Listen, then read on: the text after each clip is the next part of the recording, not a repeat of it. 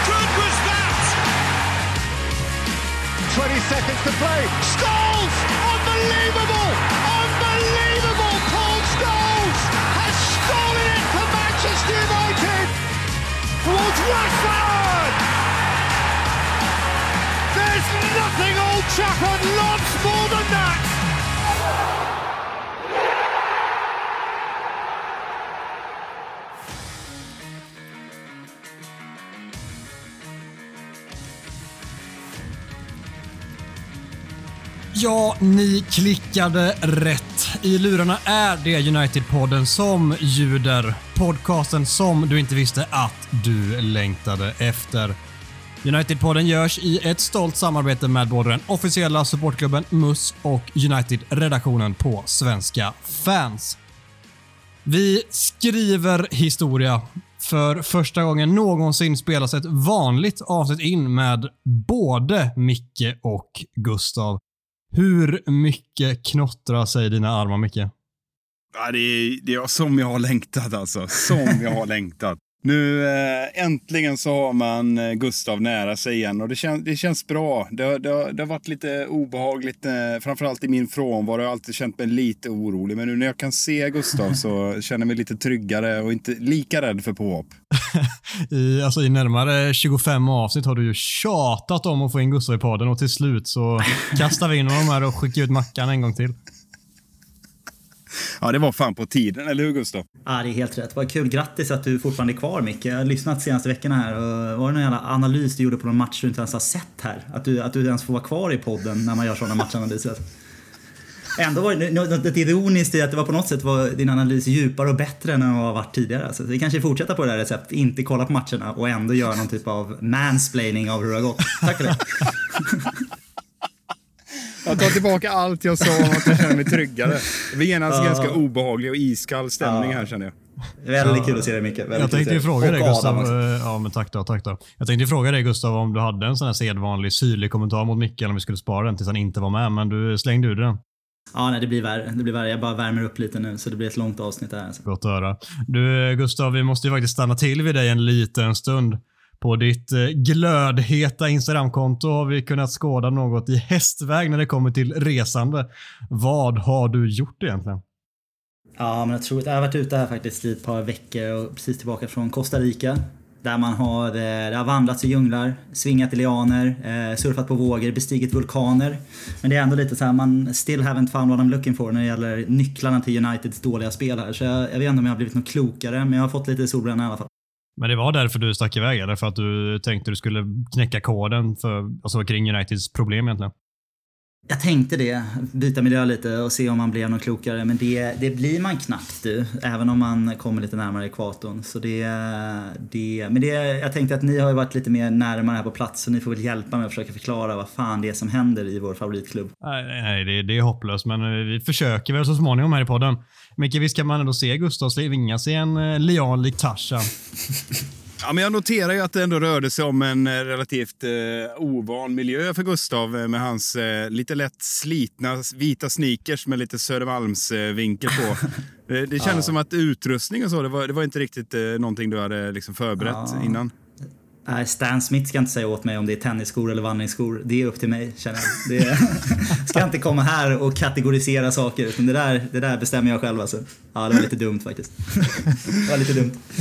För lite kontext så fick vi en bild av Gustav när han eh, satt och vinglade vid en vulkan och funderade på ja, just United och så satt det ett par goa vita sneakers där som vi inte riktigt kunde placera in varför de var med på den resan. Men du landade i dem och det ska du ha all respekt för. Så ska det vara. Så ska det vara. Micke, har du varit med om något kul i senaste då? Ja, det är svårt att konkurrera med det, det, det bildcollaget. Liksom mitt Instagramkonto är ju lika stendött som min farmors jämförelse. Så jag vet inte vad jag ska hitta på för att liksom börja lära mig Photoshop och lägga upp lite, lite påhitt. Nej, men vad fan har jag att komma med? Ingenting i, i sammanhanget, utan jag har mest eh, ja, suttit i någon slags eh, djup ångest efter senaste, efter senaste matchen. Jag, jag fungerar väl så som eh, lite olika. Jag, jag, får liksom ett utbrott eh, i varje kvartal och sen är jag mest luttrad som vi, som vi brukar konstatera. Men eh, nu i söndags var det ett av de här utbrotten som kom så jag var i stort sett helt jävla vansinnig över det faktumet att vi blev eh, totalt förnedrade. Det är väl ingen överraskning, men eh, ja, det, det är väl det, det, mest anmärkningsvärda som har hänt här. Att det var, det var ingen rolig söndag för min del. Fy fan. Det är liksom ett glas som fylls lite, lite grann hela tiden. Och till slut så rinner det över en gång i kvartalet och nu i helgen var alltså det här kvartalets uh, vansinnesvredes utbrott. Ja, jag vet inte riktigt hur, hur relevant det är och, och och bli sådär jävla upprörd för en fotbollsmatch, men eh, så var det faktiskt. ja, men det, ibland så behöver man bara tömma alla aggressioner man har i kroppen och det är väl jättebra att göra det på sitt favoritfotbollslag som är klappusla på fotboll. Du känns inte som en sån som får ett vansinnesbrott och slår sönder ett glas, för det var ungefär det som hände eh, kortfattat med Adam. ja. Ungefär det som hände, det vill jag egentligen veta mer om. Men Eh, nej, man, man, kan nog tro det och jag är ganska, alltså jag går ju inte loss på saker liksom. Men eh, jag står ju upp och vrålar och skriker och sliter mitt hår. Det, det gör jag när, när det väl rinner över. Men jag är nog lite som dig också, att det behövs byggas på under en tid. Annars sitter jag mest där och är tjurig och det är nog inte så jävla roligt att titta på fotboll med mig då. Men när United går bra, då, eh, alltså typ när Sancho slog in kvitteringen där, då flög jag upp i soffan med mina kompisar som alla höll på andra lag utom United just den här helgen jag kollade. Och eh, var jävla lycklig, men sen så kunde de ju titta på mig när de andra målen trillade in och det var väl inte ja, lika kul för mig då, men de tycker säkert det var skitroligt att se mig sitta där och muttra i hörnet. Ja, kände du ändå att nu tar vi det här när Sancho satte 1-1? Nej, nej, nej. Men ändå blir man ju så glad. Nej, nej, man tänker att, det blir... fan. Man, alltså, man har varit med om matcher där vi har varit helt utspelade och ändå lyckats få med oss ett bra resultat. Så det är väl någonstans det hoppet som fanns någonstans djupt där inne som man försökte klamra sig fast vid. Men innerst inne så var det ju jätte, jätteväntat att det skulle sluta som det gjorde någon typ av orimligt bra record som vi har mot Manchester City ändå.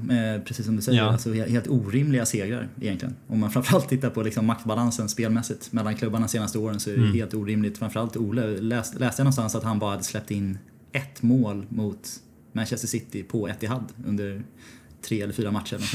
Det är helt otroligt. helt ofattbart. Helt ofattbart. Ja, det är ofattbart. Vi ska, ja. vi ska snart in på matchen, men vi måste ta en check med dig Gustav också. Hur, eh, hur ter sig dina känslor under eh, svåra United-perioder? Eh, alltså jag, jag faktiskt är lite, lite mindful i att man, man började heja på United på mitten av 90-talet. Tycker att man har liksom ingen jag har så mycket lyckokredit i United att jag känner att jag nästan, jag förtjänar att betala lite dåliga år. Så jag, jag, liksom, jag har blivit en sån här supporter att jag känner att ja, men det får nog gå en typ fem år till innan jag ska börja tycka lite synd om mig själv. När man har fått uppleva en trippel och haft säsongskort här borta i många år och varit och sett både cupfinaler och titlar och Sir Alex Ferguson segrar och fantastiskt spel så känner jag att man, man, man är lite bortskämd om man sitter och gnäller över att man kommer fyra, femma i några år just nu. Så jag känner, jag känner mig ganska luttrad men eh, väldigt frustrerad förstås. Det är ju extremt tråkigt att titta på United just nu, spelmässigt. Om man tittar underhållningsmässigt. Men man älskar klubben lika mycket ändå förstås. Resultatmässigt är det inte heller askul. Inte heller askul, så är det faktiskt. Men jag behöver lite cred. Det är bra, bra att heja på någonting. Man har fått många år av att man säger att ah, du hejar på det bästa laget. Liksom. Det får mm. man inte längre. Det är ju skönt. Bygger upp lite cred. Ja, visst. Ska vi köra en liten, eh, en, jag vet inte om jag vill, men ett litet avstamp då där vi får eh, lite terapi om matchen. Ja, Adam, kör jingel.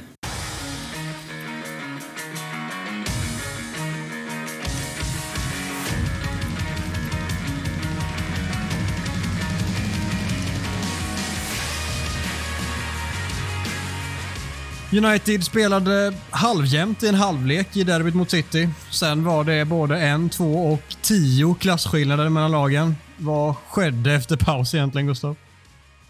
Ja, den som vet det. Det är nästan snällt att säga att vi var halvjämna i 45 minuter, tycker jag. Men det var väl, eh, ja det är väl just betoning på halv då kanske. Men, äh,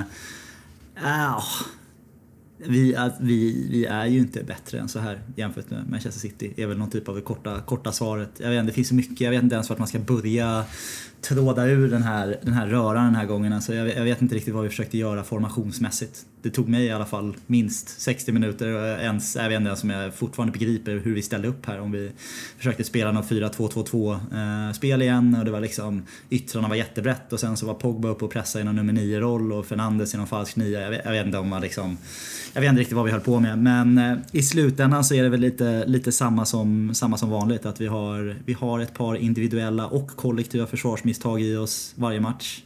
Straffas lite mindre mot Burnley eh, än vad vi straffas mot Manchester City. Så Verkligt. känns som ett väldigt, eh, väldigt välförtjänt 4-1 förlust i slutändan. Som kanske hade kunnat bli lite mer om City hade gjort någonting sedan 96% bollinnehav de hade där under en kvart någonstans i andra halvlek. Så helt, aldrig sett Ja. sådana siffror alltså. Helt otroligt. Det finns ju så mycket att hugga tag i som du säger och att vi inte har ett enda skott på mål, att vi inte ens är i närheten av typ deras planhalva på en hel halvlek och att spelarna ser totalt uppgivna ut. Det, jag vet inte ens var vi ska börja, men alltså, i slutändan, det som gör att City är så otroligt mycket bättre än oss i andra halvlek är ju att dels de är ett jättemycket bättre lag. De tänkte i paus att nu får vi kanske ja, gå upp från 20% i prestation till åtminstone 60% i prestation och så bara städar de oss av banan.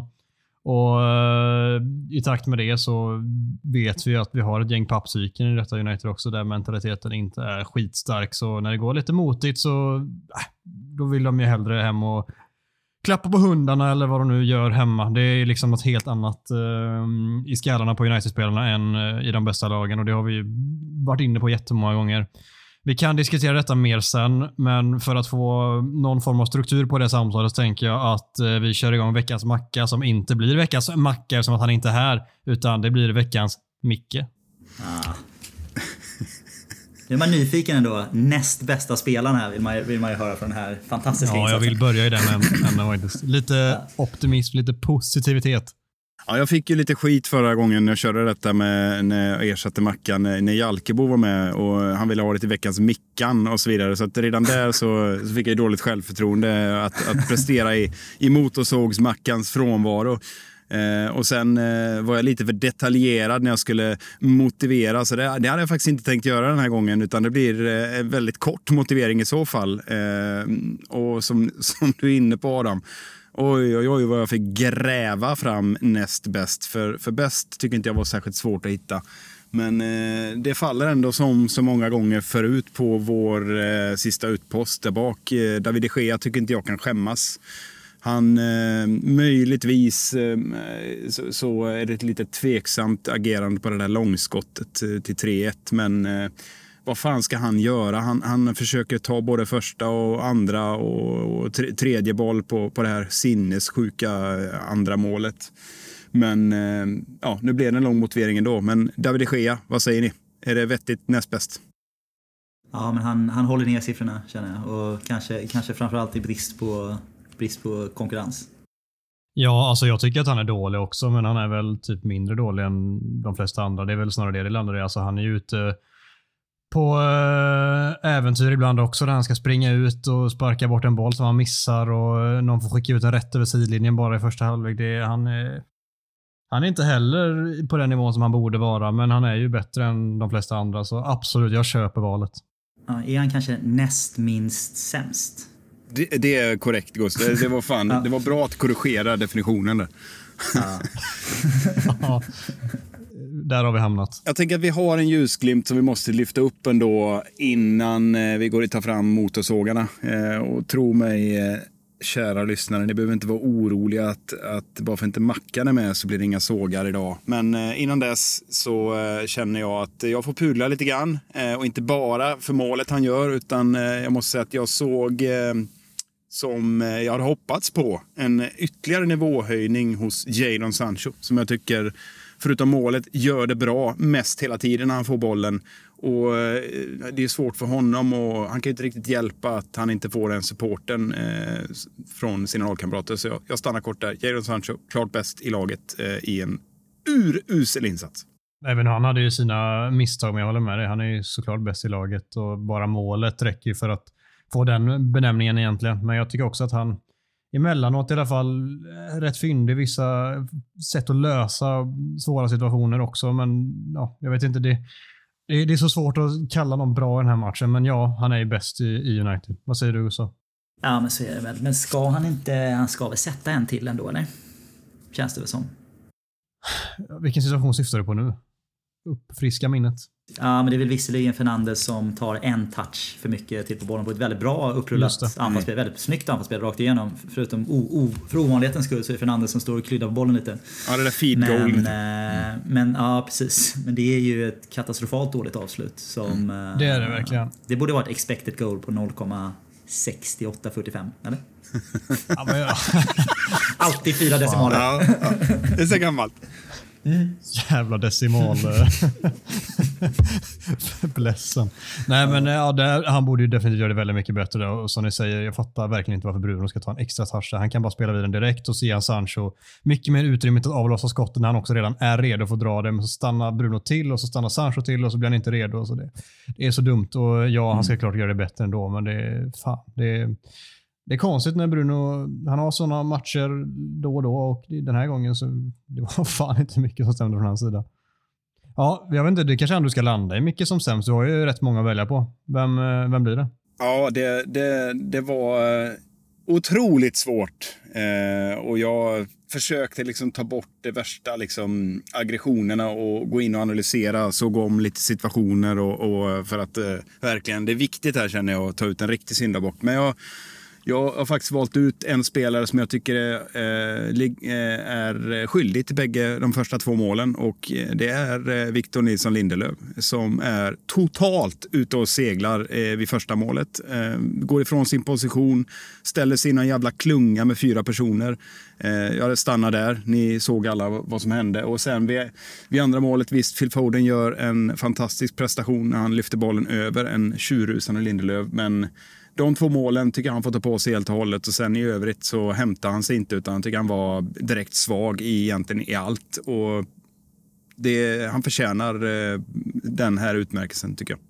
Ja, verkligen. Jag vet, man kanske börjar komma, börjar man komma till en punkt i, i Lindelöfs United-karriär att man måste börja ifrågasätta sig hur bra han är egentligen individuellt. Jag tror att alla, alla förstår ju och ser ju att vi är ju kollektivt och taktiskt inte superväl svetsade just nu som, som en lagenhet. Men jag tycker också att man, man ser ganska mycket tvivelaktiga antingen duellspel eller beslutsfattande ganska, ganska återkommande som får mig ändå att fråga om det kanske är, är den här ett snäpp för hög nivå för honom egentligen? Är han kanske mer av en, en mitten Premier League-spelare som bäst än, än att spela de här lagen som ska liksom konkurrera om att vara de åtta bästa i Europa år ut och år in? Jag vet inte, vad, vad tror ni? Nej, jag har varit inne på det länge. Jag tycker inte att han är starta United bra.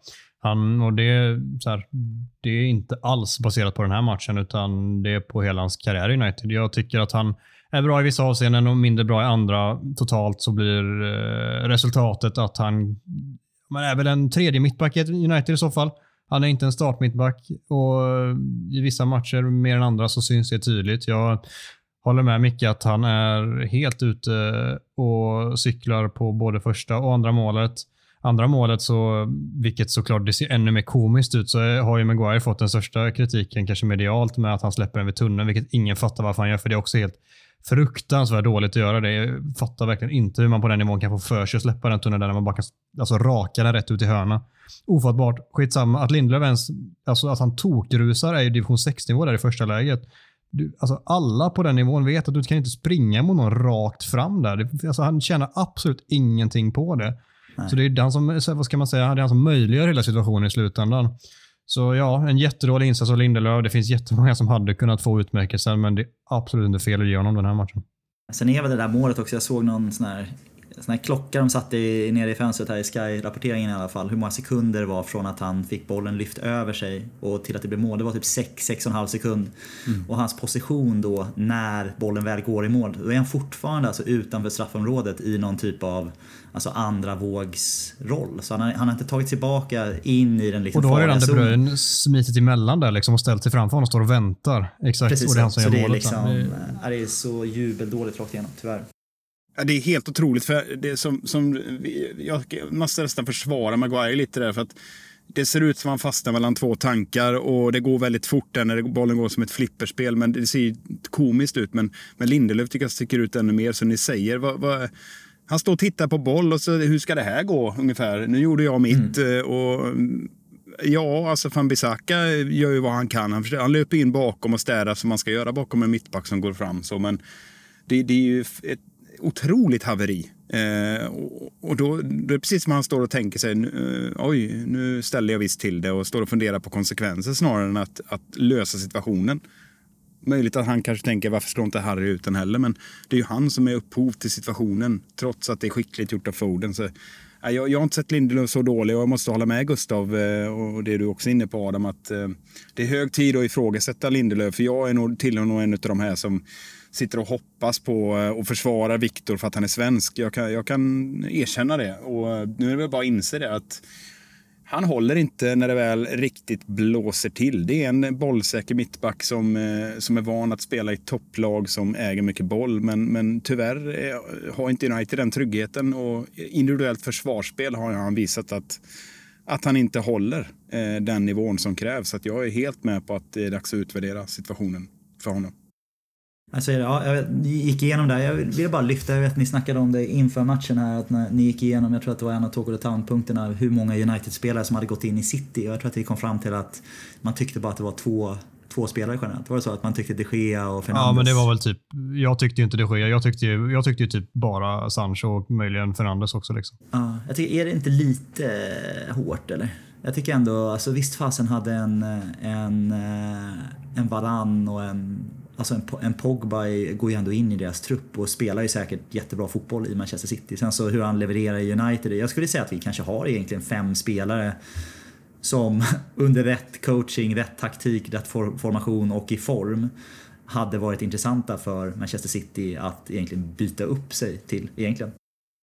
Ja, vi har ju spelare som du säger som absolut hade konkurrerat om en startplats om de var med i en City-trupp. Men här och nu så tror jag inte de har gått rakt in i startelvan och det var väl mest det jag tror våran utgångspunkt i diskussionen var. Vilka i United startelva går in i City startelva av idag? Och, ah, okay. Eh, och då Micke slängde in den brasklappen också så här att det är skitsvårt att jämföra också lag med lag med ett, eh, alltså ett kollektivt självförtroende utöver det vanliga i City där alla vet precis vad de ska göra och så ska du sätta in det i en kontext med United-spelare som eh, knappt hittar hem efter träningarna. Liksom. Det, det finns ingenting eh, som går att jämföra särskilt eh, rättvist där. Men absolut, Pogba, Varan, det finns ett par till som hade kunnat, eh, i, om de värvades av City istället och fått eh, vårdas lite av Pep Guardiola ett tag så hade de ju säkerligen startat i det laget också. Det har du helt rätt i hade fan gett mig fan på att Fred hade funkat ganska bra i City utan att, utan att raljera alltså, på, på riktigt också. Under rätt jag tror det också. Jag tror att han har attributen. Jag fastnade ändå lite där, där Adam sa knappt titta hem från träningen. Varför tänker jag alltid på Fred när, när, när du...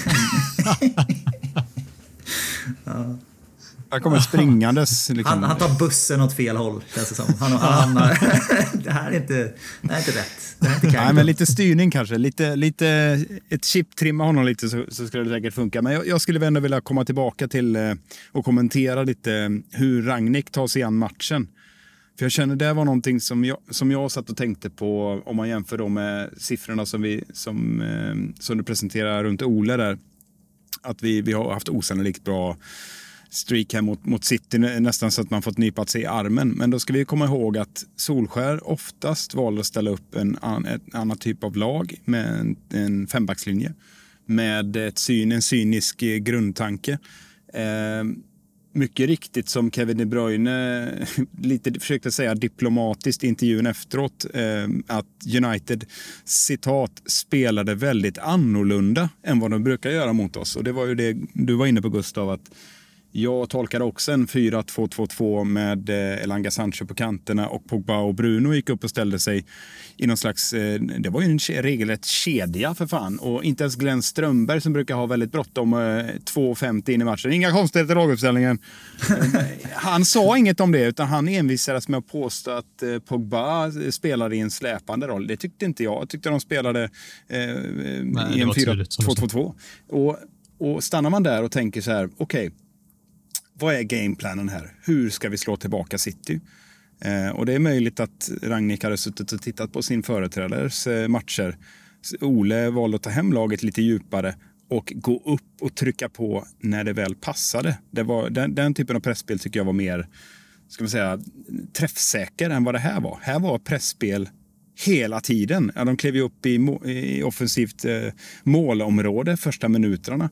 Och då tänker jag så här, är planen som Rangnick hade att eh, vinna med, på Red Bull eh, Leipzig-vis eh, så gick ju det riktigt åt helvete. Men låt säga då att, eh, vilket man inte kan säga nu då, att de inte hade fått in de här två skitmålen som jag tycker är individuella misstag. Eh, för City var ju konfunderat eh, kring det här. De första, den första halvtimmen i alla fall. Det var inte det sedvanliga, eller första kvarten kanske. Det sedvanliga, de tar tag i bollen och momentum och rullar på. Utan, utan målen så tror jag taktiken skulle kunna ha lyckats. Men vi såg med facit i hand att det går inte att slå City på ett naivt sätt. Eh, och det var det, jag tyckte det var en naiv matchplan från eh, Ragnik. Det var min input, jag ville bara säga det. För andra halvlek har jag slutat analysera. Nej, men jag, jag, jag håller helt med. Jag jag är lite...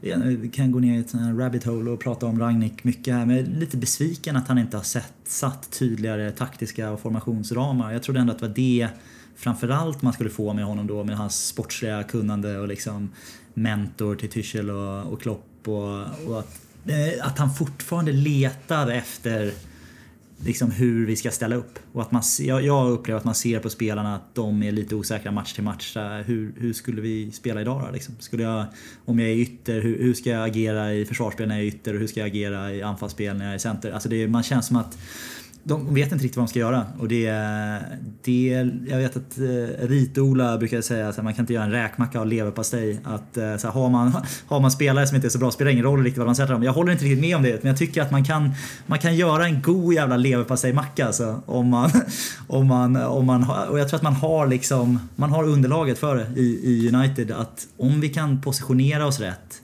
ha en vettig taktik som folk förstår och köper in på, vilket jag tycker bitvis att vi har haft med Solskär och visat i matcher mot Manchester City och Liverpool och Chelsea de senaste åren flera gånger så går det ju att liksom få betydligt mer ut av den här truppen än vad vi får just nu. Men nu är det ju en jävla, hela havet stormar i... Det känns som att de har någon sån här en hatt med lapp med positioner i liksom som man drar innan. Ja, idag, idag är jag vänsterytter då. Går ner på högerbacken idag. Viktor får spela högerback idag. Elanga du får liksom spela släpande nia. Ja, det är så här, jag tycker inte att det är bra. Alltså många gånger så ha, väljer han ju konstiga laguttagningar, till exempel då mot Atletico Madrid som vi pratade om. Vi förstod ju lite där vad han var ute efter eh, när han spelade Lindlöf som högerback, men eh, utfallet av det var ju inte succéartat direkt. Men för att försvara just den här matchen så i ärlighetens namn hade han ju inte jättemycket alternativ. Vi har en Cavani som fortfarande vägrar spela fotboll. Han ska ju sitta hemma och mysa. Och så har vi en Ronaldo som blir lite grinig för att han får reda på att han troligen inte kommer starta matchen och simulerar en höftskada och sticker till Portugal utan tillåtelse. Det, han jobbar fan lite i motvind också får vi ändå säga. Och sen håller jag med mycket ni säger i övrigt, men jag tycker ändå man kan balansera ut det lite grann med de detaljerna. Ja, jag, ty jag, tycker bara att det är lite så här. För mig så är Elanga, Pogba, Sancho och Fernandes är alldeles för offensivt balanserat. Jag tycker att det är naivt balanserat. För de har inte riktigt de defensiva kunskaperna. Jag är absolut ingen kramare av vår serb, men det, jag hade ju haft större respekt för något typ av tremanna mittfält där Matic hade gått in som vi, visar lite vad man vad vår intention är här. Inte att vi ska bollinnehav, eh, spela ut City med massa frodigt anfallsspel här. Så jag tyckte, jag tyckte det kändes naivt. Mm. Ja, och just den här matchen så borde han ju ställt upp på ett annat sätt. Sen, Micke, du är inne på en sak. Jag tycker första kvarten så ser det ändå rätt, rätt skapligt ut. City är inte riktigt med på vad som sker där och sen så kommer de här målen. Vi tappar självförtroende och sen har vi ju inte energin att upprätthålla detta alltså ens i närheten över 90 minuter, vilket kanske är det största misstaget som Ragnik eh, gör när han helt överskattar hur, hur de här, alltså, att de ska klara av det under en hel match rent mentalt och fysiskt. Det är inga spelare som har visat sig kunna göra det än så länge. Så att han, att, de, att han tror att de ska göra det nu från ingenstans, det, det är väldigt naivt. Och Det resulterar i vad det gör i slutändan. Det, det är inte den mest taktiskt drillade idén någonsin som han fick här inför den här matchen. Det, det kan vi i alla fall slå fast. Nej, och han har ju envisat med det här control the game. Det har han ju sagt flera gånger. Jag tycker han ändå gör en eh, postmatch-intervju som är bra. Han är, han är väldigt, eh, måste jag ge den credden, han, han är skicklig att snabbt eh, komma med vettig analys, en förklaring, även om alla inte kanske köper den. Men, men jag förstår ju eh, hans tankar med att skära av Rodri. Liksom. Det är väldigt tydligt att det är trångt att spela, in, eh, spela förbi två pressande anfallare och sen och försöker de stänga ytterbacken också. Alltså mm. det, det, är ett effektivt sätt att skära av Citys liksom, eh, pulsorder. Problemet är att de har fötter för att slå den där eh, passen upp på eh, De Bruyne eller Silva som går in i någon, i någon ficka som bildas bakom där och så vidare. Och så, och så, och så lyckas inte McTominay och Fred stänga ner det. Så att, det är väl det som är problemet att City till skillnad från United då, när de blir angripna kanske eh, på ett sätt som skär av deras huvud, eh, deras plan A, så har ju City alltid en plan B.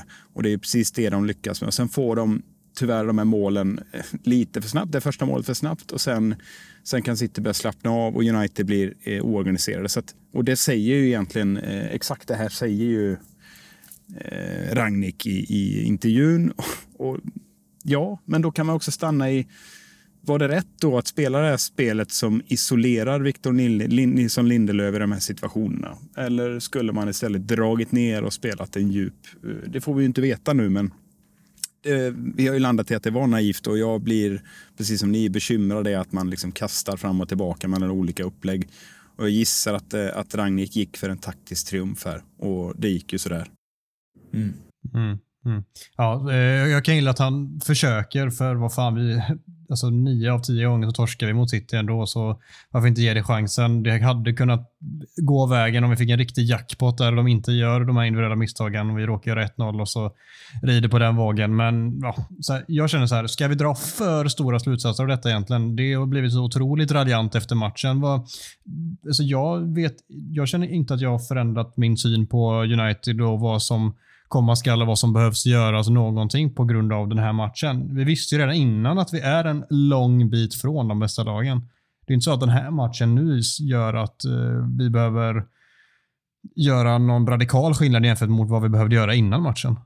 Jag vet inte om jag håller med. Jag tror vi kommer komma in på det sen med inställningen. Det, det tycker jag, jag såg någonting som jag inte riktigt har sett förut. Att eh, vi gav upp i andra halvlek. Det, det är den stora skillnaden. Men sen om vi håller oss, om, som jag tror det du menar Adam, rent spelmässigt och att vi, vi hattar efter Eh, efter eh, rätt modell beroende på motstånd. Det, det köper jag. Det är, inte, det är inga nyheter som, som presenterades, men förutom inställningen. Nej, och att, alltså, att City är så mycket bättre än oss, det vet vi. Och så här, jag, jag, jag, tror inte någon med handen på hjärtat kan säga att de genuint trodde att vi skulle vinna matchen. Jag vet att vi satt här i podden och sa att vi kommer vinna derbyt, men ni vet ju också att det är med lite glimten i ögat i slutändan till syvende och sist. Men eh, så här, det finns nog inte någon som sitter där och känner att den här matchen vinner vi, utan det, vi vet att vi är där vi är just nu och vi har en mardrömssäsong i ryggen. Det var inte särskilt förvånande att det blev som det blev och därför tycker jag inte att vi behöver vara alldeles för raljanta om Uniteds framtid och att vi ska för kasta om hela klubben och allt det där. Så där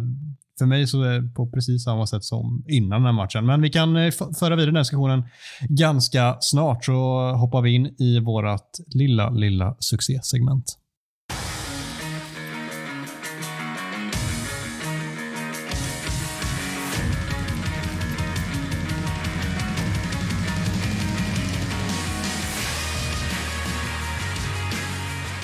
Talk of the Town är tillbaka med fem stycken påståenden med aktuella ämnen som vi helt enkelt diskuterar huruvida det är sant eller inte. Veckans första påstående lyder Roy Keane har rätt. Halva laget mot City måste bort. Micke, jag tänker att du ska få ta vid där. Tack. Tack för den. Och jag har förberett en lista här eh, med, eh, så vi slipper och, och eh, bekymra oss mer.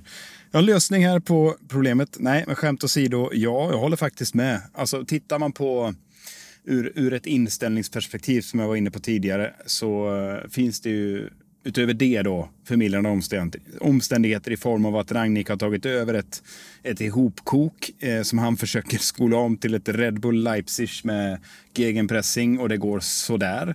Men eh, om man då istället då hoppar över det som vi redan har analyserat så jävla många gånger så vill jag ändå adressera det här med inställningen och det är ju det Roy vill åt här. Och det handlar om stolthet, det vet eh, alla Gustav vet det också extra mycket som har bott länge i England och man gör mm. inte så här som, som eh, Manchester United gjorde. Viker ner sitt derby och liksom eh, Maguire står och kramar någon jävel efter match och liksom ditten och datten. Man ska gå ut med sänkta huvuden och, och skämmas över en sån här insats. Och ur den, ur, de, ur den aspekten så när jag börjar titta på, på laget då som startade eller laget i stort så börjar jag egentligen fundera över om vi nu ska ha, hålla oss vid den här jävla ambitionsnivån att United ska upp på samma nivå. Ja, då, då, då börjar jag hålla med Roy att vi är på en handfull spelare som jag i alla fall ser som, som eh, självskrivna att, att rita in framöver. Men sen vet det fan, det börjar bli lite tunnsått. Jag bara ger några, några namn här då. Fernandes, Sancho, Elanga, Varan, David de Gea och sen kommer jag inte på så många fler eh, som, jag är själv, som jag tycker är självskrivna att bygga det här laget vidare på. Och det är inte bara inställning, det är också kvalitet. Men, men eh, det, den inställningen vi såg under andra halvlek tycker jag är bland det pinsammaste jag har sett eh, någonsin. Till och med värre än Tottenham-torsken. Jag tycker inte att de Gea ska vara självskriven där, men eh, det är en diskussion vi kommer eh, få alla möjligheter till att diskutera ganska snart här. Ja, Ja men ord, ord inga visor. Jag vet inte vart man, det var, var, många, många stora punkter där. Jag känner jag vill hoppa in i hoppa in i alla vinklar där. Jag tror att jag, jag, jag köper inställningsfrågan 100% och eh, för att återknyta till det ni pratade om innan så jag tycker inte heller att vi såg någonting nytt mot City som vi inte har sett tidigare. Jag lärde mig ingenting efter City-matchen som jag inte redan visste innan. Däremot så har vi stora problem framförallt med inställningen i den här truppen och det måste lösas, punkt. Och det har ingenting med City-matchen att göra. Sen så var det, det blev ju någon typ av manifestation av dåliga, dålig inställning och dålig prestation. Så det, det ger jag det. Men när man jag är inte riktigt lika övertygad om att, att, den här, alltså att de spelarna i den här truppen är så himla fel. Jag, jag tror att det finns nycklar. Alltså om man får in ett par rätt spelare på rätt positioner med rätt ledarskap, med rätt taktik, rätt formation så tror jag att det är ganska många spelare i den här truppen som egentligen har tillräckliga kvaliteter även inställningsmässigt. Tror jag det, det, det blir någon paradox då, men jag tror att det är så här med moderna fotbollsspelare att det är, det är lite en färskvara inställning. Man har inte den där gamla Roy Keane inställningsspelarna som har en 20-årig karriär med liksom, toppinställning varje träning, varje match hela tiden. Utan liksom, millennial-spelarna i vår, vårt ålderssegment här är inte, de är inte på det sättet längre. Så det, det finns någon ironi i att man man pratade om att vi hade dålig inställning när vi hade Sanchez, Lukaku och hela den, eh, hela Inter, Interfalangen. Eh, de som blir Inter, Inter Reject sen då. Så då, då kom Solskär in och då skulle man jobba på just inställningen och då värvade man in inhemskt. Man värvade in Maguire, man värvade in Wan-Bissaka, man värvade in Dan James. Och jag tyckte att med de tre spelarna fick man ganska snabbt positiv eh, positiv utveckling på just inställningen och man kände att så här Kvaliteterna är kanske inte de högsta på, på alla av dem men man kände att så här, vi, vi bygger om en kultur här i det här laget. Framförallt med Maguire som ledare. Jag tyckte även Wan-Bissaka och Dan James tog oss i en annan riktning med andra typer av spelare. Och det är då nu samma spelare som vi sitter här nu med Maguire och Wan-Bissaka och tycker att de inte har tillräckligt höga kvaliteter och kanske att det är fel på inställningen. Så jag tror att det finns någon sån här det finns någon färskvara-aspekt av inställning som gör att, ja, med, lite, med ett par rätt spelare. Det, jag tror ju absolut att vi behöver tre, fyra nya spelare i den här truppen som ska in i en startelva. Så vi, vi är ganska nära handfullt. Men jag tror att det är många spelare som kommer kunna lyfta sig om man får rätt nycklar in i truppen. Så jag tror inte vi behöver tio nya spelare eh, i en 22-mannatrupp för att, för att bli, för att lyfta mycket nästa säsong. Jag tar din ringhörna Gustav också. Jag tror inte heller att det behövs eh, att halva laget byts ut, utan några stycken självklart. Och i, I ditt hela resonemang kring mentaliteten så resonerar vi väldigt lika du och jag där. Sen eh, tycker jag fortfarande inte att det var någonting nytt eh, alltså, som vi såg mot City i senaste matchen här. Jag tycker att vi såg det mot City i höstas i november. Jag tycker vi såg det när vi fallerade totalt mot Liverpool. Jag tycker att vi har sett eh, alltså det här just nu i skicket som det här laget, den här truppen, den här klubben är i så har det funnits de här tendenserna många gånger. Jag, så det, för mig var det ingenting nytt nu som gör att jag ser på det på ett annat sätt. Jag visste om det och eh, tycker det är jävla tråkigt men också vet att det är någonting som vi måste adressera med nästa tränare uppsättning. Vilka och vem som nu eh, ingår i den återstår givetvis att se.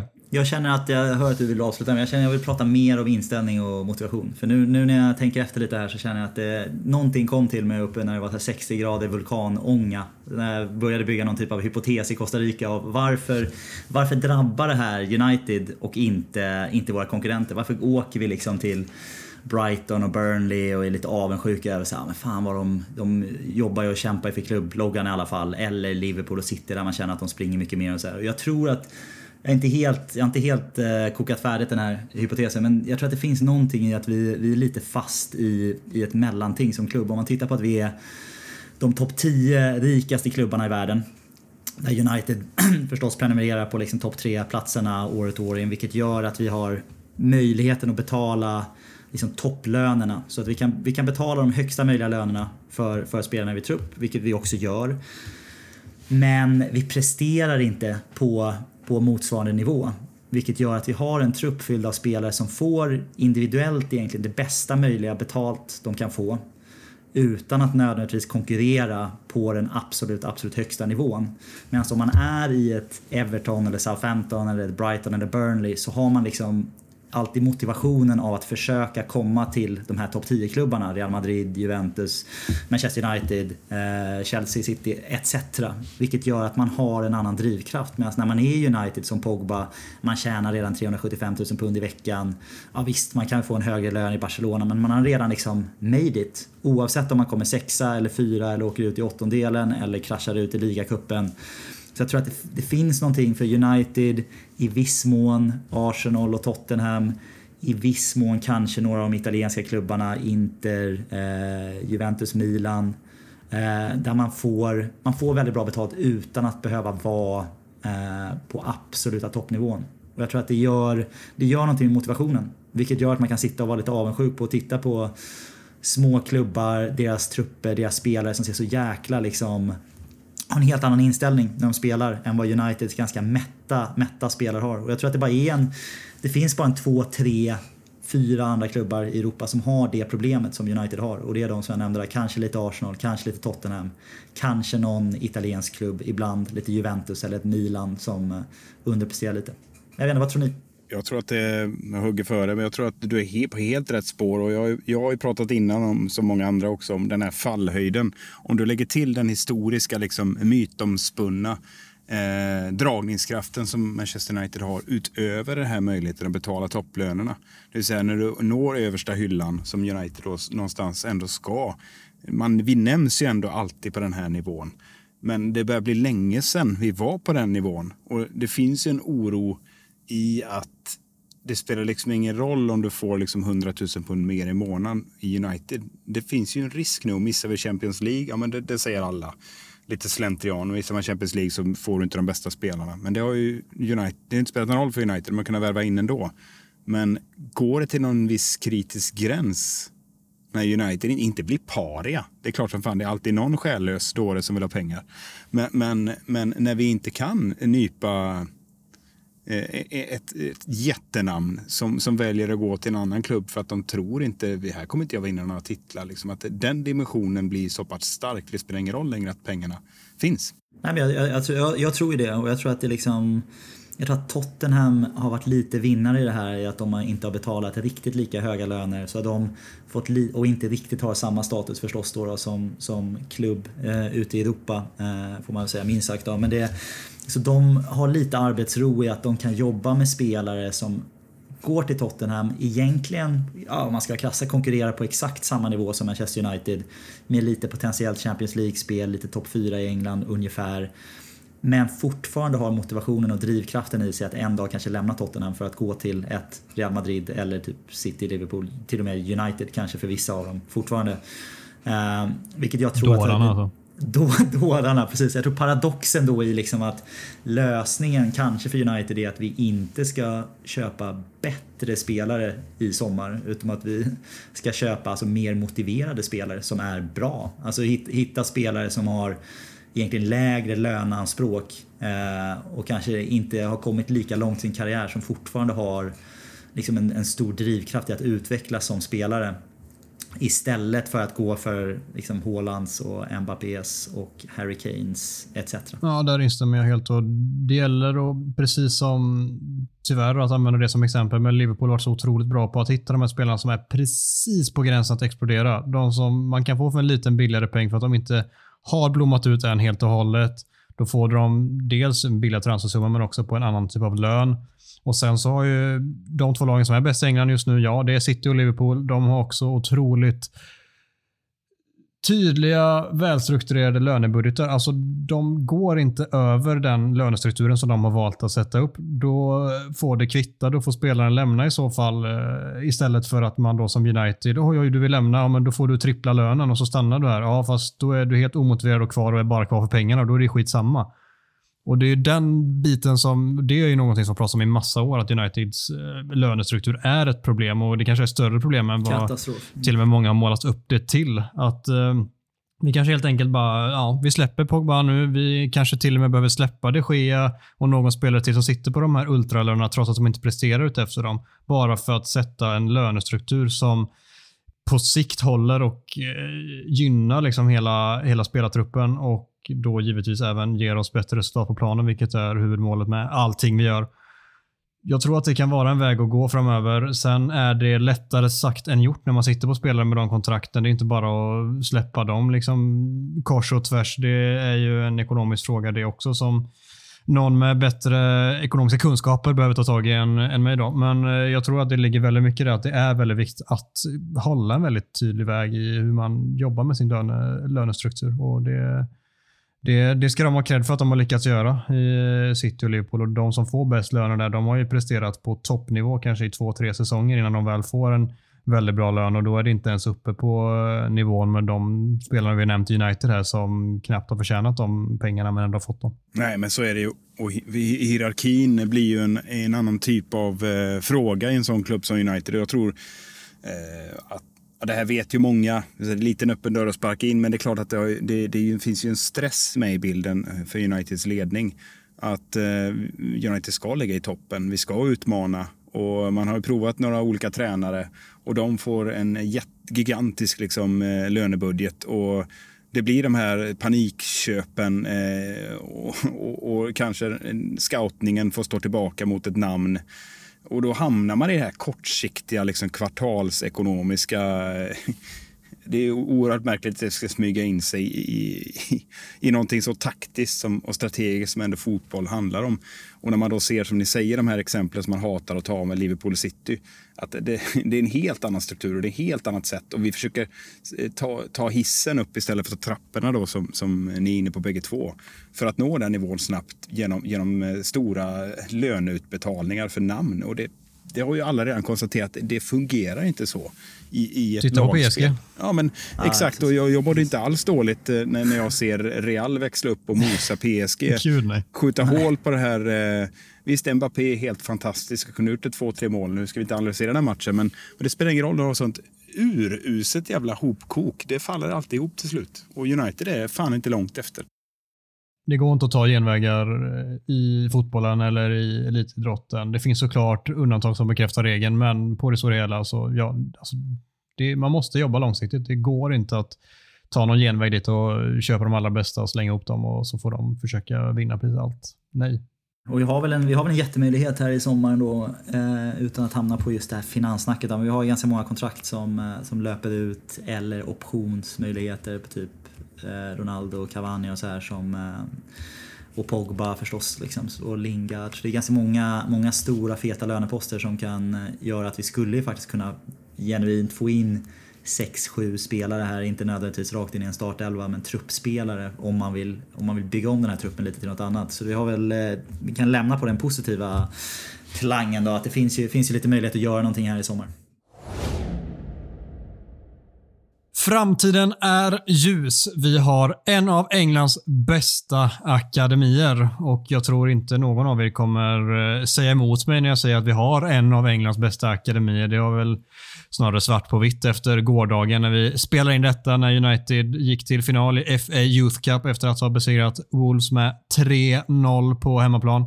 Det är första gången sedan 2011 som vi når finalen i den anrika turneringen och då var det spelare som Jesse Lingard och Paul Pogba som var med och lyfte pokalen den gången. Rekommenderar alla att kika upp när den eh, finalen spelas och eh, titta på den matchen. Det blir, om jag inte missminner mig, Chelsea eller Nottingham i finalen där eh, som ska spelas senare här i mars. Det dröjer ett par veckor innan vi får reda på vilka det blir.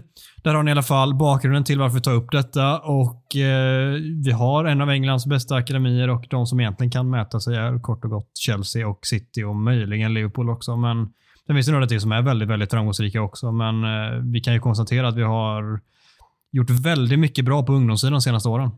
Det får man nog säga att vi har gjort va? och det, det är väl eh, den, den stolthet vi fortfarande ska ha kvar. Jag vet att det, det är deppiga tider och resultaten går inte alltid för sig. Men vi ska inte glömma att vi har, har en anrik historia och har en, har en akademispelare i truppen sen, jag kan inte ens komma ihåg när längre, men det är väl typ 100 år eller något sånt eh, 30-talet om jag inte missminner mig. 30-talet va?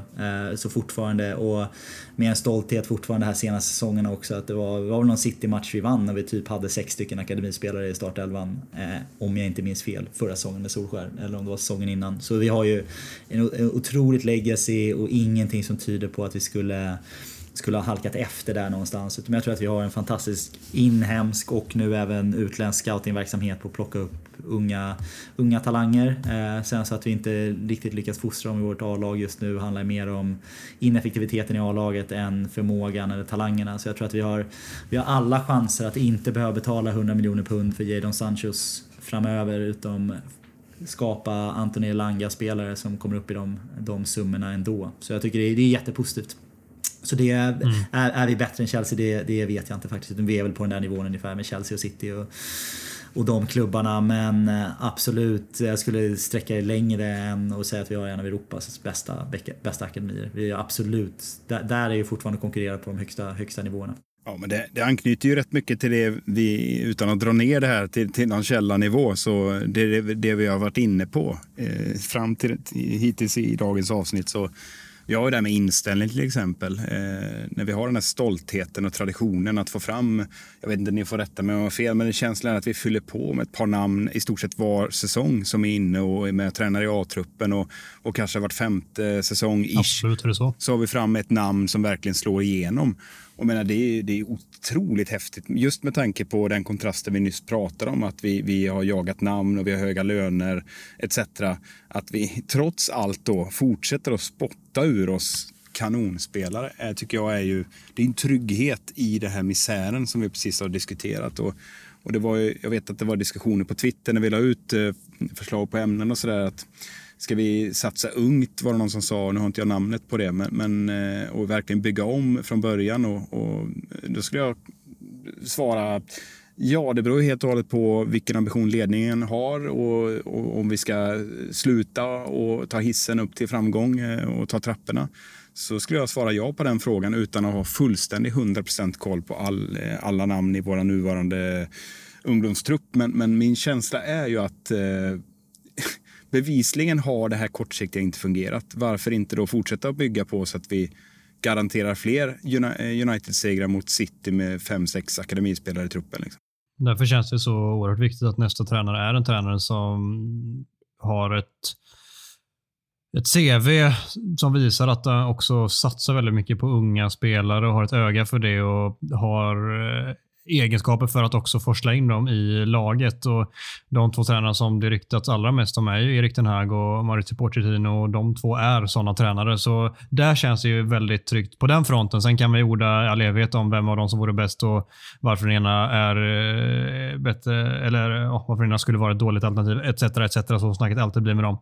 Oavsett så jag tycker det är väldigt viktigt att de tittar på en tränare. Såklart att det finns jättemycket andra aspekter som måste sitta också, men det är en viktig faktor för mig i alla fall att det är en tränare som vågar satsa på vår akademi, för det är en tradition vi ska vara extremt stolta över Och eh, Vi måste fortsätta också visa de unga spelarna att det finns en väg in i A-laget. Och Om det plötsligt kommer in en tränare som visar att det är stängt, då kommer ju inte de unga bästa spelarna välja att stanna kvar i United så länge eller ens gå till United i en viss ålder. Så viktigt, viktigt, viktigt. Och eh, vi ska såklart njuta och vara stolta över den traditionen vi har med våra unga spelare. 100 Ska det procent. En, en liten brasklapp där bara. Jag har läst det, jag är lite osäker på vilka spelare det var. Men jag har hört att det finns ett mörkertal på en del för detta spelare som har skickat sina ungar till City-akademin istället för United. Typ Darren Fletcher, eh, Matic. Eh, det var Ja. ett par till tror jag. va? Känner ni igen det här eller?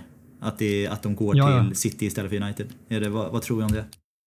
Eh, Jag vet inte vad jag ska tro om det. Det är tråkigt i alla fall. Men eh, det finns ju några fler där. Vem är det mer? Är det van Persie? eh, Ja, Van Persie känner jag igen City också. Darren Fletcher, är inte det oroligt? Det känns som han är liksom insyltad i Uniteds sportsliga akademi. Liksom. Vad, vad är det han vet som inte jag... Det känns som att Steve Jobs säljer sina Apple-aktier här. Liksom. Det, det Ja. oroar, oroar mig. Kan det vara... Nej, jag vet faktiskt inte. Men att de vill hålla liksom någon form av Distans. distans. det. Ja, distans precis. Att säga, pappa är där och då ska inte sonen vara det. det. Jag vet inte. Det Ja, är det vara så. långsökt, men det kanske, kanske kan landa i det. Jag, jag har inget bättre svar. Vi får kolla upp det. Låt oss. Vi kollar upp och återkommer. Ja, det är bra. Ja, visst. Vi ringer Fletcher och frågar. David de Gea må vara en bra shotstopper, men han är ett problem för laget och bör säljas i sommar. Gustav Kulle, kör. Ja, nej men det, jag ska börja med, med att säga att jag är en extremt stor fan av David de Gea och tycker att han eh, inte har fått tillräckligt mycket cred för antal poäng som han har räddat för United under sina, det är väl typ 10 år om inte mer snart alltså. Och eh, han, det skulle inte förvåna mig om han, om han fortsätter bli kvar, eh, vi får se vad vi, vad vi tycker här och vad vi bestämmer, så, så skulle det kunna bli en av de främsta, alltså den som har spelat flest matcher för klubben. Liksom. Han har ju spelat så otroligt mycket matcher. Så otroligt bra skottstoppare som vi säger. Det jag läste däremot lite intressant statistik, jag tror att det var från Athletic som har kollat på eh, lite såna här mörkertalssiffrorna som man ser på eh, hans brist på sweeper-keeper egenskaper. Det här med att vara lite, lite libero eller sista utpost back. Både i speluppbyggnad men framförallt i försvarsspelet och vilken, vilken påverkan det har på resten av spelet. United är alltså det lag som är sämst i ligan på att få undan inlägg. Eh, jag kommer inte ihåg vad procenten var men det var, vi rensar i särklass eh, minst antal inlägg. Eh, och eh, hypotesen då som man driver med, med att man har en David de Gea som står fastklistrad på mållinjen är att det blir, det blir den här ytan mellan backlinje och, och målvakt som blir väldigt, väldigt farlig och som ofta straffar United och som i många fall leder till att de Gea istället får göra fantomräddningar eh, men kanske fantomräddningar som han inte hade behövt göra om han kunde vara mer aktiv utåt i sitt i sitt eh, målvaktsagerande. Eh, och det andra som händer eh, när man har, har den typen av målvakt som står ganska fastklistrad är att backlinjen blir tydligen, alltså hamnar mycket längre ner. Man, man, man blir ståendes mycket längre ner för att man litar inte på att en målvakt kommer ut. Vilket har liksom en effekt på hela, hela formationen, hur Uniteds utgångspunkt Det kan ju också vara taktiskt vill jag bara lägga in också. Så att tränarna väljer att ställa sig lägre för att de inte litar på att det kommer täckas upp. Vill Alltså, bara ja absolut, Nej, men det har du helt rätt. Det har du helt rätt. Vilket jävla public service statement här. Så kan också vara så att det... nej, det, det finns andra åsikter som tycker ja, nej, men det är bra av dem. Det är därför du är gruppens Schyffert, gu- gruppens straight man alltså, det gillar vi. Och kliva in och skiffla lite med honom. Ja, det är rimligt. Nej, men det är i alla fall att det, det, har, det har en effekt på att försvarsspelet kan, kan hamna mycket, mycket lägre i sin utgångspunkt. Vilket gör att vi också i då speluppbyggnaden börjar mycket längre ner. Vi blir mer sårbara i att vi, vi måste börja längre ner i vår speluppbyggnad. Om vi inte då har spelskickliga backar så, så spelar vi oss inte ur press som vi har sett här vid ett flertal matcher att vi har svårt för det. Eh, så det blir liksom, det blir ganska mycket effekter. Man pratar om att City och Liverpool har, har liksom en elfte spelare i anfallsspelet när man har en målvakt som, som är med och bollar lite, ibland i absurdum som vi har sett med Ederson ute vid, vid planhalvan liksom och dribblar och kör lite vägg, väggspel eh, och drar, liksom gör, gör Pep Guardiola galen. Men det ligger någonting i det att kunna ha en trygg höger och vänsterfot bakom sig i backlinjen i speluppbyggnaden eh, som man kan spela en två med för att spela sig ur kniviga situationer. som United inte, inte har i de Gea. Eh, så jag, det blev en lång utläggning här men ville göra lite bakgrund. Jag tror nog att vi drabbas väldigt hårt av att inte ha en modernare målvakt i, i vårt sätt att spela fotboll och extra mycket med Ragnik som vill ha en högre, högre pressspel men blir stående lågt med en, eh, med en fyrbackslinje för att täcka upp för en målvakt som inte kommer ut. Så jag tror att vi hade kanske mått bättre av att ha en målvakt som inte gör lika mycket fantomräddningar men som är lite mer modern och aktiv i sitt, sitt fotspel och i sitt positionsspel. Vad tror ni? Där är jag helt och hållet eh, med dig. Och det ska sägas, de Gea är en av våra största och bästa målvakter någonsin. Han ska hyllas enormt mycket för alla åren han har gjort hittills i United och eh, får knappt tillräckligt med beröm som du var inne på för det. Men för mig så kanske brytpunkten var redan för ett par år sedan egentligen, men ännu mer nu trots att han har stått för en väldigt mycket bättre säsong än det senaste och varit betydligt ja, men vassare just skottstoppandet och, och den biten så tycker jag fortfarande att alltså, det finns jättemånga klipp där ute som visar hur ofta han kommer fel ut eller inte kommer ut alls i situationer som, som en sweeperkeeper som du är inne på effekterna det får på laget och hans passningsfot eller passningsfötter lämnar så otroligt mycket att önska. Vilket ibland är så hårresande dåligt eh, för en spelare som känns i grund och botten man ska ha lite sköna fötter.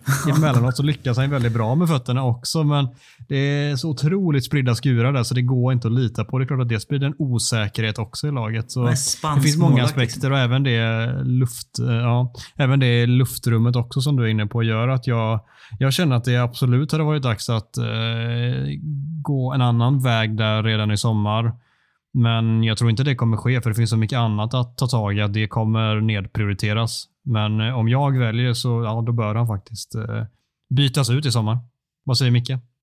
Ja, det, det, var mycket att ta tag i där på samma gång och, eh, och jag tänker inte argumentera emot. Det är klart att, det, att den här statistiken stämmer och, och, och vi har ju sett David de Gea i 11 år nu och vet vad det är för typ av målvakt, vilka vilka egenskaper han har. Eh, men då skulle jag, vad är hönan och ägget blir det ganska enkelt här. Ni, är inne på att snudda på vilken taktik har man. Jag skulle väl ta och inventera våra mittbackar sen, sen Sir Alex Ferguson lämnade. Liksom, hur ser det ut då? Ja, vilka förutsättningar har de Gea haft att jobba med? Skulle man också kunna vända på. Och eh, Rafael Varan tycker väl jag är den, den eh, mittbacken som är klart liksom, har högst höjd och, och eh, det största namnet. Eh, och han har ju knappt spelat eh, in och ut i laget liksom, och har en ostabil liksom, grund bredvid sig. Och då har ju de Gea, likt de andra åren när vi hade Småling och Jones och ja, massa annat löst folk där bak som gjorde att de Gea fick rädda oss. Så visst kan man då hävda att hade vi haft en fantastisk Ederson i mål så då hade backlinjen minsann kunnat spela 10 meter hög. Alltså det är väldigt hypotetiska resonemang och jag landar egentligen i att ja, jag köper kritiken mot hans eh, svaga brister. Eh, han har ju aldrig varit bra på att gå ut och plocka ner hörner till exempel. Och hans fot är liksom mer liknande julgransfötter. Liksom. Det, det, det, har vi redan eh, konstaterat, men jag, jag, jag tycker det spelar ingen roll. Han har redan bevisat att han är förbannat bra och har varit, ja, sett över de här elva säsongerna, Uniteds bästa spelare, tycker jag. Så att jag, jag köper inte att, eh, att eh, han har de egenskaperna han har. Och utifrån dem så har han gjort det förbannat bra. Jag landar där. Jag tycker det slätar över.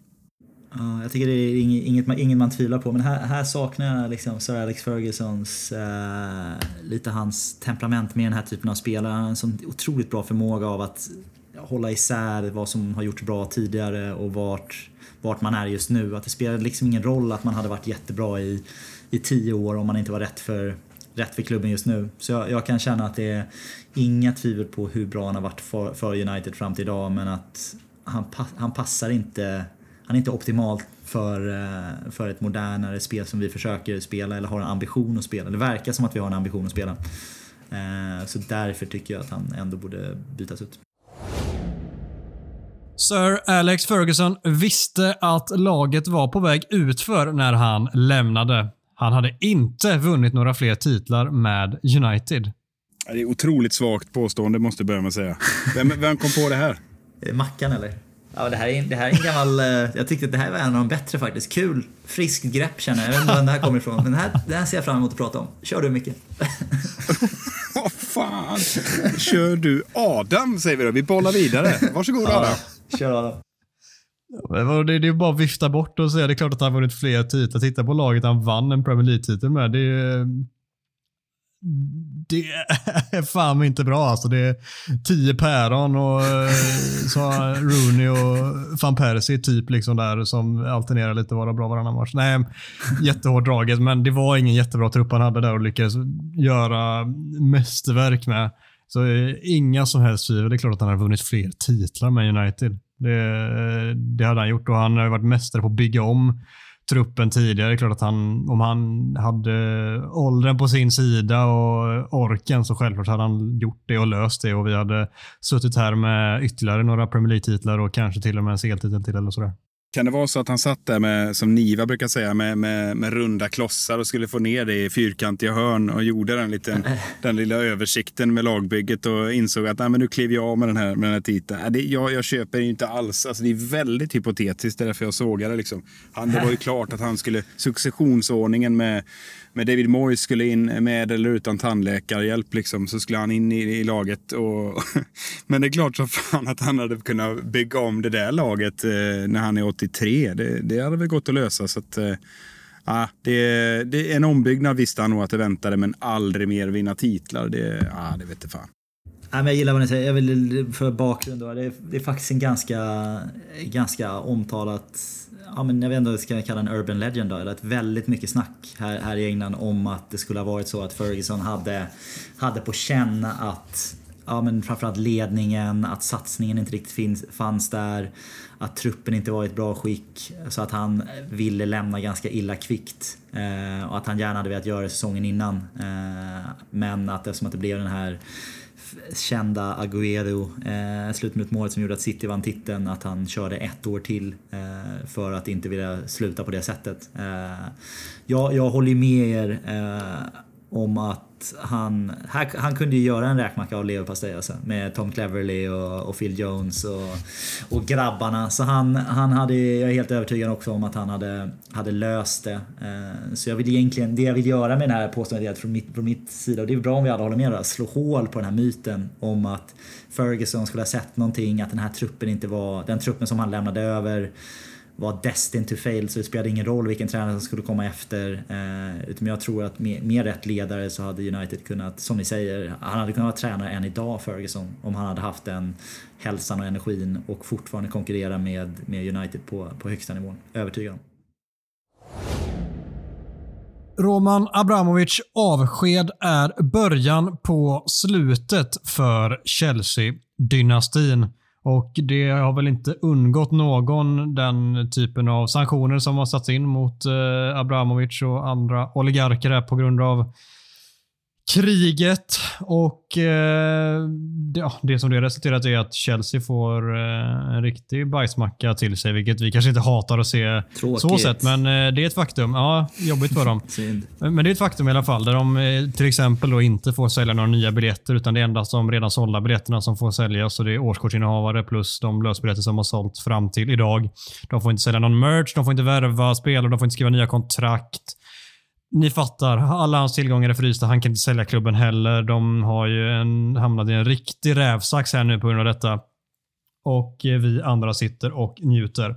Det som det i alla fall har resulterat i är att då börjar det såklart ganska snabbt resoneras i Okej, okay, här är några spelare som faktiskt har utgående kontrakt som de inte får förlänga med. Vi har till exempel en Antonio Rydiger, vi har en Cesar Aspilicueta och vi har en eh, Andreas Christensen som av allt att döma är klar för Barcelona redan.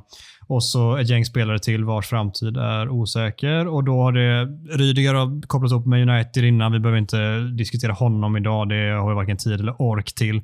Men det är en bra spelare som mycket väl hade kunnat gå in i United. Vem vet? Men det som framförallt jag tänker att den här punkten kan landa i är att det har börjat surras om Thomas Tuchel, att han kanske jump the chip nu när det ser ut eh, som det gör i den klubben. Vi får också se hur länge detta varar. Det kanske blir en snabb lösning på något sätt ändå. Vi vet hur fort det kan svänga i fotbollen. Men med nuvarande förutsättningar så är det väldigt många som tror att han nog kanske väljer att kliva av eller att de går skilda vägar av någon anledning eh, som inte bara är på grund av hans eget intresse. Och eh, Jamie Carragher skrev en längre krönika i Telegraph där han lyfte upp Tuchel som ett drömnamn för United och att eh, för Uniteds del var detta ett väldigt eh, bra besked och att det kanske kan öppna upp vägen för honom till United, vilket enligt honom är det bästa alternativet. Var, jättelång utläggning, men vad, vad säger ni ni vill ta Thomas Tuchel i Manchester United? Korta svaret ja. Alltså, man ser direkt eh, en logik i då eh, läromästaren och, och eh, eh, eh, hans eh, adept återförenas i en vacker förening. Det blir inga fyra... Det känns ju som Ragniks drömnamn. Ja, men lite så. Och det är klart att jag, jag tilltalas lite av sådana här eh, människor som lever med känslorna utanför och svettas eh, genom sin, eh, sina täckjackor. Liksom. Jag går igång när folk står som väderkvarnar. Och, jag, eh, jag älskar den, den typen av eh, lynne för att det påminner om mitt eget. Nej, skämt åsido, det är svårt att hålla den energinivån. Ja, naturligtvis så vore det svincoolt med, med en sån tränare som bevisligen har levererat. Eh, och sätta tänderna i ett United och bygga om det med, med landsfader eh, Rangnick på armlängds avstånd vore naturligtvis jävligt läckert. Men jag vill bara innan jag släpper över till er vidare kommentera det att eh, man mår inte direkt dåligt att den här jävla oljedynastin eh, kraschlandar. Det, jag sitter och njuter lite kring det. Den här greenwashing och alla möjliga. Det, det, vi kan kasta in vilka jävla eh, hånord som helst för att beskriva det de har sysslat med. Eh, hamnar under skärskådning nu och det ska jag poppa upp lite popcorn och följa med eh, belåtenhet. det, det, var ju de som skrev det, att Chelsea var ju den första klubben som Ja, men som köptes upp och behandlades på det här sättet. Så det är ju såklart jättesymboliskt i dem också som kraschlandar först. Det, det finns något, något vackert i det. Mm. Gustav, Thomas Tuchel innan vi går vidare med eh, veckans avsnitt. Eh, ja, nej men vår trupp hade väl kunnat knäcka honom, tänker jag. Det var kul att se hur, hur han hade kunnat misslyckas. Sitter Vad menar du då? sitter också och tänker att eh, fan, det ger 275 000 pund i veckan. Han hade väl kunnat underprestera lite i vår backlinje också känner jag kul att, kul att se honom spela på 80% av sin kapacitet. Uh, ja, nej, lite bittert kanske, men jag, jag, jag tror rent krasst att, jag tror rent krasst att den här, uh, ja, det 30, jag ger det 30 dagar innan Chelsea har löst någon uh, bolagsstruktur som gör att de inte behöver förhålla sig till det här i sommar. De, de försökte redan sälja det här, det skulle inte förvåna mig, jag är ledsen för att slå hårt på det, men jag skulle inte förvåna mig om de de kan trassla sig ur det här på något bolagsstrukturellt sätt. Det kommer sätt. de göra. Det, pff, det kommer. Ska jag göra inköp här för 30 popcorn i 30 dagar? Ändå, det är ändå rätt länge. Ja, det ser ut som du behöver det. Viktpendlaren där borta. Ni ser ju inte Micke, men han är, han är liksom ständigt plus minus 5 kilo varenda avsnitt. Här. Nu är han riktigt smal. Riktiga löparkropp på han. Får köra lite mer vikter. Tack så du ha, PT-Gurra.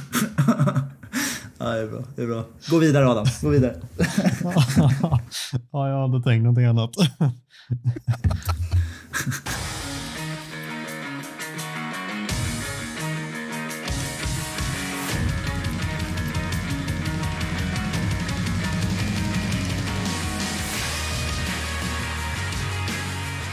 Härnäst väntar ännu en tyngre batalj när Tottenham gästar Old Trafford på lördag kväll.